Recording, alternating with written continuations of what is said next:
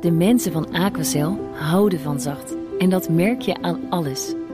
Dankzij hen hebben we nu echt zacht water en een kalkvrij huis. Voor hun klanten zijn ze zacht. Dat zijn ze trouwens ook voor elkaar. Voor ons zijn zij de kracht van zacht. Aquacel. 100% zacht water, 100% kalkvrij. BNR Bouwmeesters wordt mede mogelijk gemaakt door Bouwend Nederland. De bouw maakt het. BNR Nieuwsradio. Bouwmeesters. Paul Lasseur. Laagwater is slecht voor de bouw, want het transport van grondstoffen gaat over het water. Dat water dat nu al maandenlang historisch laag staat. Daar praat ik over verder met Kees van, der, van Putten. Hij is directeur van de Nederlandse Vereniging van Leveranciers van Bouwgrondstoffen, de NVLB. Hartelijk welkom. Dankjewel. Ja, voor, uh, voor de luisteraar, kunt u, kunt u uitleggen welke grondstoffen over het water worden vervoerd? Het is vooral in dit geval uh, zand en grind en uh, gebroken rots, zeg maar. gebroken rots? Dat ik het maar noemen. natuursteen, gebroken natuursteen. Ja. En, en, grind, en, en dat wordt dan tot, uh, tot, tot cement en uh, beton? Uh. Nou, maken we, we, maken er beton van en asfalt vooral. Daar okay. gaat het om. En over hoeveel ton hebben we het dan? Want het gaat om enorme hoeveelheden hè, die door de rivieren worden aangevoerd. Uh, jaarlijks zo'n 33 miljoen ton wat we in Nederland nodig hebben. En daar komt zo'n 9 miljoen ton van uh, over de, uit het Rijngebied, laat ik het zo maar zeggen. Oké, okay, dus dat is ook, ook wel een behoorlijk aandeel van de totale ja. grindvraag. Ja, ja, wordt over de rivier aangevoerd. Nou gaat niet alles met het schip, maar, of niet alles... Uh, zo, maar er gaat een deel met het schip, een deel met de vrachtauto's. De, de grens over, vooral Noord-Limburg, Gelderland. Mm -hmm.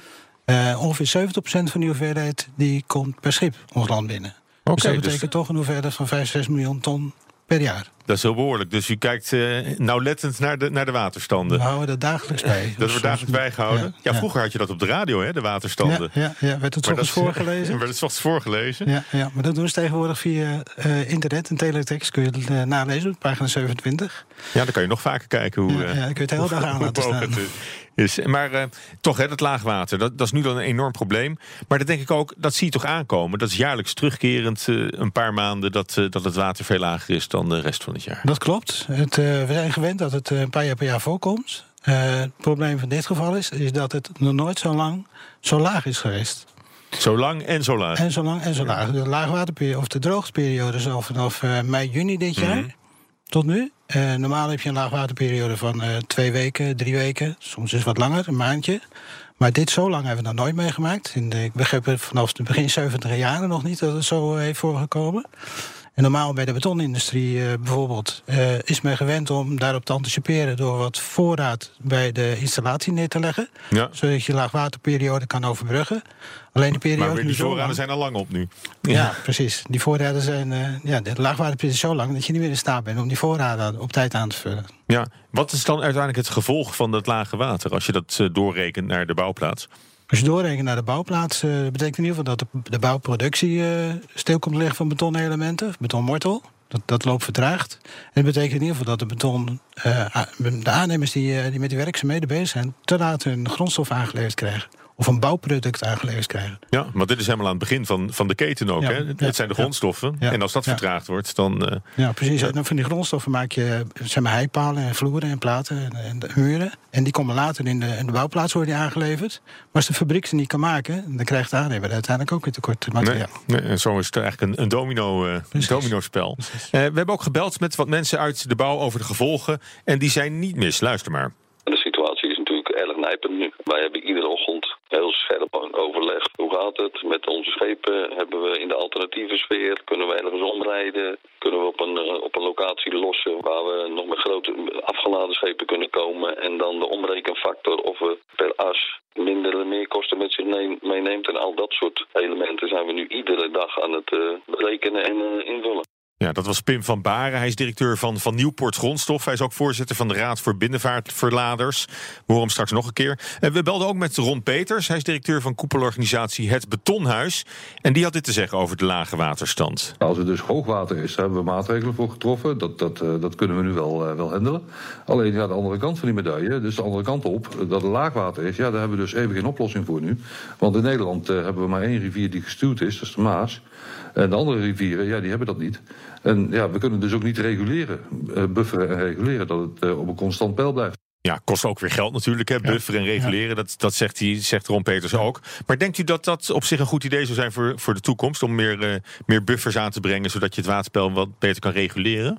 Nou, het probleem van de Rijnaanvoer is wat anders dan de Maas. Maas is een regenrivier en de Rijn is een smeltwaterrivier van oorsprong.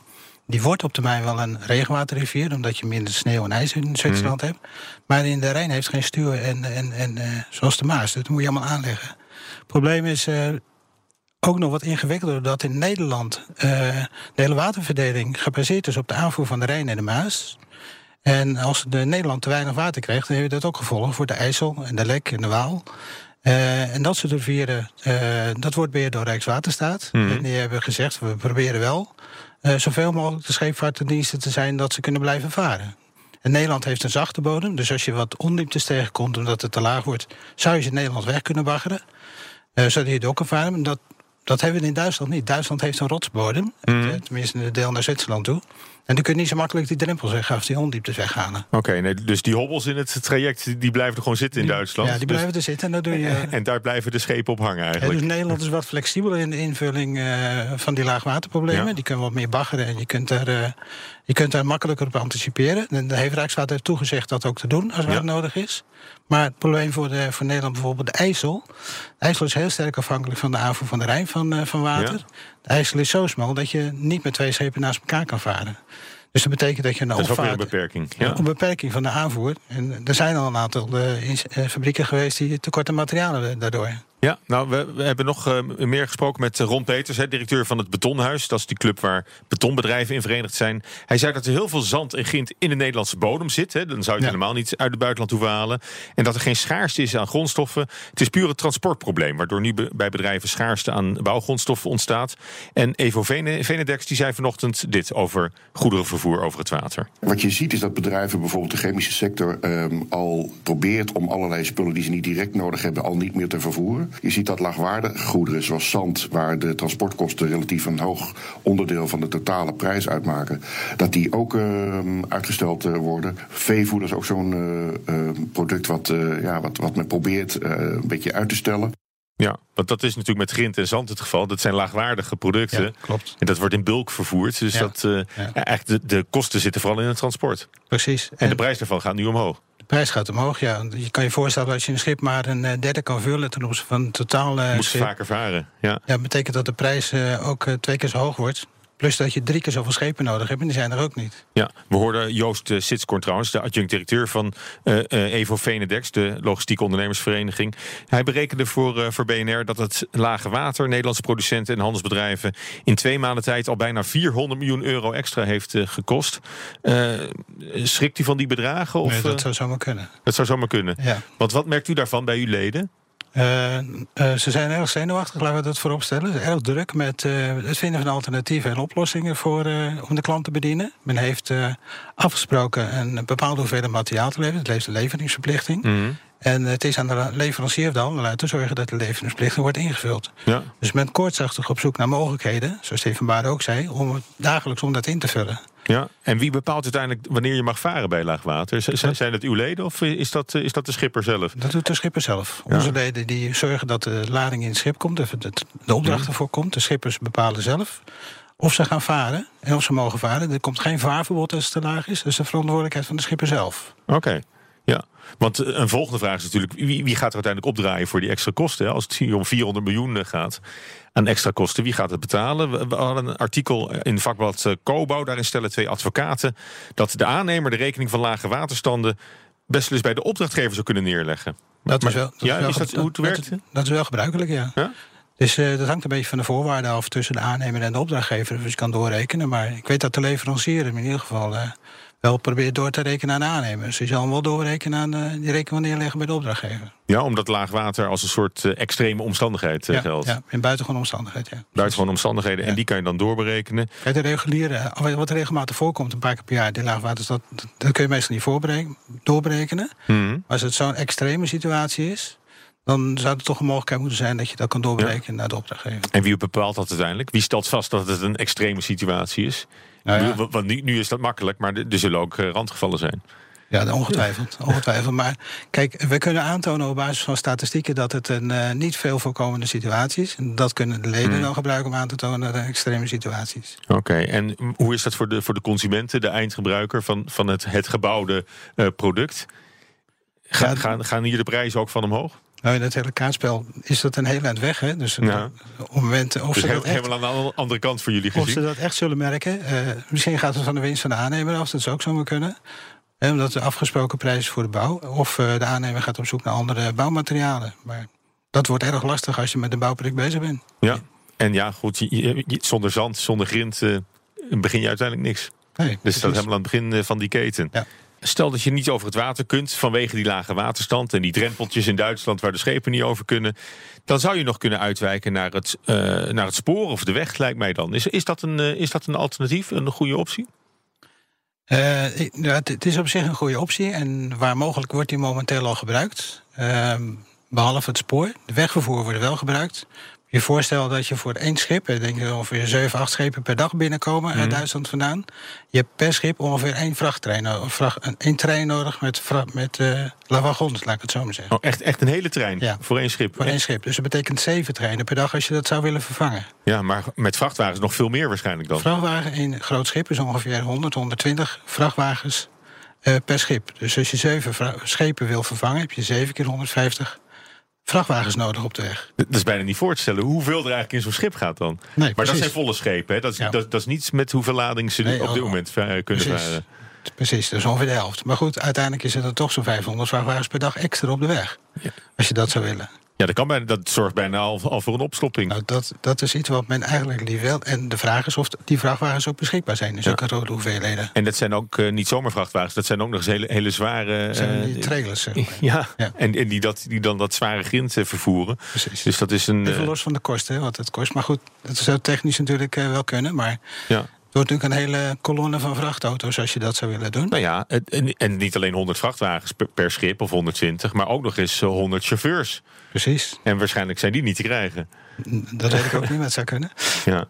Maar het, het spoorwegvervoer ligt wat ingewikkelder in elkaar. Het spoorwegvervoer is een vaste dienstregeling. En als je zeg maar, een, een vrachttrein met grind of zand zou willen vervoeren... dan moet je eigenlijk al een jaar van tevoren inplannen. En dan moet je altijd op die vaste tijd rijden. Bijvoorbeeld altijd op maandagmiddag of, of, eh, of woensdagmiddag. Oh, waarom is dat? Omdat de spoorschema zo strak in elkaar zit... dat er geen ruimte is van ik doe morgen even een trein er tussendoor of zo. Oké, dus de, de, de vrachttrein moet er even tussendoor als, als de Intercity net, eh Bijvoorbeeld. net op een stationnetje. En eh, ook in Duitsland en Nederland is die spoorwegplanning zo strak... dat het eigenlijk de- zonder vooraankondiging niet zomaar tussen ingevoegd kan worden. Ja, maar is het dan een heel gek idee om, om nu vast voor volgend jaar eh, een, een paar van die spoortransporten te reserveren? Nou, het is, eh, dat zou kunnen, maar alleen het probleem met spoorvervoer... is dat de aanvoer en de afvoer uit de trein niet aan het water zit... of niet aan de fabriek zit. De aanvoer, want de, de grote windlocaties, laadlocaties... zitten meestal groot vaarwater, niet aan het spoor. Dus je krijgt er die trein niet in. En als jij uiteindelijk in Nederland bent, moet je het ook bij die fabriek krijgen. En de meeste betonfabrieken op de asfalt liggen niet aan het spoor, maar liggen aan het vaarwater. Dus je hebt ook weer transport nodig om het de trein in te krijgen... en de trein weer uit te krijgen. Oh, dus dan moet je daar ook die, eh, die, die 100 plus eh, vrachtwagens. Daar zijn eh, ook al die vrachtwagens weer voor nodig om dat te doen. Die Dus het is er redelijk los. ingewikkeld wat dat betreft. Maar goed, Pim van Baren, hij is van de Raad voor Binnenvaartverladers, die vertelt dat alternatieven nu al worden ingezet. Als alternatieven worden de producties van de Maas opgevoerd, de zeeaanvoer is opgevoerd, regionale proevers en recycling. En dat zijn de bulkalternatieven. Daarmee redden we het denk ik ook. Maar eh, ja, niet, niet, ja, niet helemaal. En eh, hoe lang gaan we dat duren? Ik heb geen idee. Ja, hij klinkt er niet erg eh, gerust op, hè, als je hem zo hoort. Nee, de lange termijn voorspelling ziet er niet goed uit. Eh, we hebben daar met René van den Berg ook over gesproken, de voorjaarsvergadering. En eh, als dit zo doorgaat, dit weer, en we lopen langzamerhand de winter in... dus het is november, Mhm. december, en het gaat uiteindelijk sneeuwen en vriezen... Dan een, en, er valt uiteindelijk regen in Duitsland wat, wat vastvriest of sneeuw wordt... dan kan het wel eens tot na de winter duren... dat eh, de Rijn weer een beetje op orde is eh, Ja. vervoer. Ik hoor hem ook zeggen ehm, over, over zee. K- kunnen we zand en grind niet ook uit Scandinavië halen? Of, of uit de Noordzee misschien wel? Er komt eh zand en grind uit de Noordzee vandaan, het Engels, eh, tegen het Engels continentaal platteland. Alleen die producties zijn ook beperkt door Engeland. Nederland heeft dat niet zo. Eh, en er komt volgens mij in eh, Scandinavië wel wat eh, grind deze kant op, maar dat is niet van die zulke hoeveelheden. Een ander probleem is dat het materiaal natuurlijk zout is, dat uit de Noordzee komt. En, maar dat is voor de Engelsen geen probleem? Nou goed, je, je kunt het ontzilten, maar dat kost een extra handeling. Het kost wat tijd en energie om dat te doen. Ja. En de installaties die daarvoor zijn in Nederland, Ja. die, die worden momenteel optimaal benut. Dus die kan je niet nog eens een keer twee, drie keer zo groot maken of zo. Als je En dat, eh, wat is het probleem van zout in grind? Dat, dat, eh, dat eh, tast het proces aan om, om te verharden, laat het zo maar zeggen. Oké, dus dan, eh, Beïnvloedt het proces. Het dan wordt je beton niet hard. Ja, of langzamer of zoiets. Misschien Oh, wel sneller. oké. Dat beïnvloedt het proces in ieder geval. Nou goed, waar we het ook al over hadden, dat- gaf u zelf aan. Extra opslag bij bouwbedrijven. Dat zou ook kunnen. Maar ook daar zitten haken en ogen, aan, vertelt eh, Rob Peters. We hebben te maken met eh, vergunningen die verstrekt worden in Nederland waar een betonbedrijf zich mag vestigen. En dan heb je een eh, aantal vierkante meter beslag. Ja, dan moet je de hoogte in en dat wordt lastig. Want er zijn al grote voorraadbunkers natuurlijk op een bepaald terrein waar je dus dagelijks uit put. Je kan het wel in, voorraad nemen, maar ja, op het moment dat de aanvoerstroom stokt, ja, dan wordt het lastig. En je, je gaat natuurlijk ook niet voor, drie jaar lang toeslagstof op je terrein op voorraad leggen. Afgezien van het feit dat dat mogelijk nog niet eens kan qua volume. Ja, dus volume is dan, een, is dan een probleem. Helemaal als je de hoogte in gaat, denk ik. Nou ligt er een betonakkoord. Hè? Daarin staat dat recycling een van de speerpunten is. En recycling kwam net ook al langs als een van de alternatieven. Je zou gerecycled beton kunnen gebruiken in plaats van nieuw beton maken. Eh, dat is ook nog eens goed voor het milieu. Maar daarover zei Ron Peters eh, van het Betonhuis het volgende. Ja, ik snap dat, die circulaire gedachte. Alleen eh, met, eh, met de opname van eh, eh, het betonpuin, wat er dus eh, beschikbaar is, kan ik niet eh, de capaciteit eh, vervullen die, eh, die gevraagd is nu. Want in Nederland wordt er zoveel gesloopt. En dat betekent dat als je dat gaat breken, dat materiaal, dat betonmateriaal, dan krijg je grindvervanger. En die grindvervanger, ja, die kun je dan in gaan zetten in, in zeg maar nieuw beton. Alleen wat je dan hebt is dat ja, er maximaal een vervangingspercentage gerealiseerd kan worden van, van 15 tot 20 procent. Zeker niet genoeg. Ja, heeft u Ja, daar een punt? Nou, dat klopt wel. De belangrijk punt is de beschikbaarheid voor, eh, voor toepassing in het beton van het gerecyclede materiaal. Ja, ja Eh. dat, dat, dat wordt lastig. Nou, Pim van Baren van de Raad voor Binnenvaartverladers eh, van Evo Venedex... die liet weten contact te hebben met het ministerie. En luister maar even wat hij daarover zegt. Wij hebben heel nauw contact met het ministerie en de Rijkswaterstaat. Vorige week ben ik nog op het ministerie in Den Haag geweest. Daarin is wel vastgesteld dat eh, zowel het ministerie als Rijkswaterstaat... dat die er alles aan zullen doen om eh, de scheepvaart zo lang mogelijk eh, te zullen blijven faciliteren. Want eh, ja, die hele, de, het is niet, natuurlijk niet alleen de bouwsector die kraakt in zijn voegen. Maar ook eh, de voedingssector, de, de kolen, de, de containers. Ik wil geen enkele scheepvaartvervoerder tekort doen. Die zijn allemaal eh, natuurlijk eh, enorm geïnteresseerd in de continuïteit van de scheepvaart. En daar hebben Rijkswaterstaat en het ministerie wel toe besloten dat ze dat zo lang mogelijk zullen blijven faciliteren. Zonder daar eh, eh, in te moeten grijpen. Ja, bent, bent u een beetje te spreken over de, over de moeite die het ministerie en Rijkswaterstaat zich getroosten... om u een beetje tegemoet te komen? Ja, absoluut. absoluut. Dat, dat klopt. Maar ze kunnen ook geen water brengen in Zwitserland. Nee, nee, ze kunnen het niet laten regenen. Precies. Dat is eh, zelfs voor het ministerie een beetje een brug te ver. Ik wil u hartelijk danken voor dit gesprek. Dank u wel. Kees van Putten, directeur van de Nederlandse Vereniging van Leveranciers van Bouwgrondstoffen, de NVLB, die zucht onder het eh, gebrek aan water in de Rijn. En worden ook Pim van Baren, directeur van Van Nieuwpoort Bouwgrondstoffen, en Ron Peters, directeur van het Bouwhuis, Betonhuis. BNR Bouwexpo. Ja, elke week lichten we in de Bouwexpo een bijzonder gebouw uit. En daarvoor is redacteur Judith Lane aangeschoven. Judith, vorige week we het over een kerk in aanbouw. En nu eentje die op instorten staat. Ja, Paul. ja, de- dan gaat het over de Turfmarktkerk in Gouda uit 1931. En die is ontworpen door J. Groenendijk. Eh, en meestal denk je dus dat een kerk een veilige haven is. In dit geval moet je er even wegblijven. Ja, want wat is er aan de hand? Nou, sinds vorige week geldt een noodverordening voor de hoogste risicozone, zo heeft de gemeente het omschreven, voor die kerk. De kerk staat dus op instorten, dus niemand mag er meer in de buurt komen. Eh, bewoners van zes huizen eromheen moesten hun huis uit. Die zijn er ook uit. En de gemeente die besloot tot de noodverordening omdat het harder zou gaan waaien. Dus dan zou de kans op instorten misschien toenemen. Ja, en is het een hele hoge toren of zo? Waar, waar zijn ze bang voor? Nou, de, de hele bouwstaat is gewoon heel slecht. Oké. Dus eh, hij stond ook al langer, de kerk stond al langer op de slooplijst. Ehm, in eind mei eh, kwam er een nieuw rapport. En in het rapport staat, dat schrijft de gemeente ook op de site, ehm, dat eh, eh, een spoedige sloop gewenst is. Eh, want uit recent onderzoek blijkt dus dat die bouwkundige staat nog slechter is geworden dan hij al was. Er is een behoorlijke bolling in de achtergevel ontstaan. Staat dus op de site van de gemeente. Ehm, en daardoor is er dus een lichte golving in de dakconstructie. En kun je dus zien dat de scheuren en verspringen in de gevel zijn vergroot. En ehm, hierdoor is het dus onzeker wat er dus kan gebeuren met zo'n gebouw. Ik bedoel, je kan je voorstellen, als er overal scheuren zitten, ja, dan eh, is het onveilig om daar eh, in de buurt te wonen of omheen te lopen. Ehm, eh, zeker ook in slechtere weersomstandigheden. Mm. Ik bedoel, we zitten wel Als het in, heel hard gaat waaien, dan, dan, dan wil je er niet onderlangs lopen. Nee, nee, nee, nee. En nou ja, je, je merkt het ook aan het weer buiten. Ik bedoel, het is, we, zitten, we gaan de stormmaanden in. Dus ja, het kan gewoon heel hard gaan waaien. En dan kan het misschien misgaan. Ehm, en de gemeente die neemt dus deze verantwoordelijkheid van de eigenaar over. Wat, Eh, wat, wat de gemeente is niet de eigenaar van de, van de kerk. Nee, nee, maar het is dus maar die hebben dus eh, wel deze, ja, het deze is- vergaande maatregel eh, ja, getroffen. en omdat het dus eh, gevaarlijk is. Ja, en wat gebeurt er nu? Eh, nou, er zijn eh, extra beveiligers rond de kerk eh, om eh, de achtergelaten woningen in de gaten te houden, onder meer. En eh, met, met een helm op, eh, neem ik aan. ik, eh, ik mag hopen van wel, ja. Ja, maar dat en denk ik wel. veiligheidsschoenen. Ja, ja, ik bedoel, ze moeten toch in de gaten gehouden worden als er niemand meer is en je noodgedwongen je huis uit moet. Ja, maar bouwkundig hebben ze ook wel wat gedaan intussen. Ja, precies. De, de kerk wordt gestut en gestabiliseerd. Eh, en als het goed is, beginnen ze volgende week met de sloop.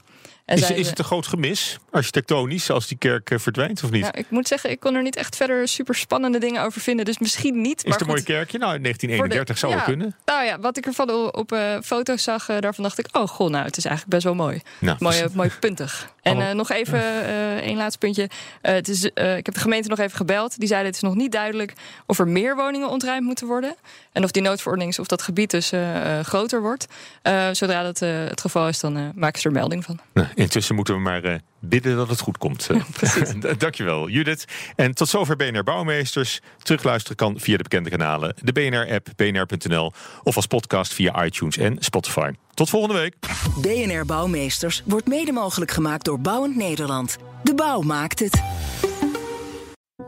De mensen van Aquacel houden van zacht. En dat merk je aan alles. Dankzij hen hebben we nu echt zacht water en een kalkvrij huis. Voor hun klanten zijn ze zacht. Dat zijn ze trouwens ook voor elkaar. Voor ons zijn zij de kracht van zacht. Aquacel. 100% zacht water, 100% kalkvrij.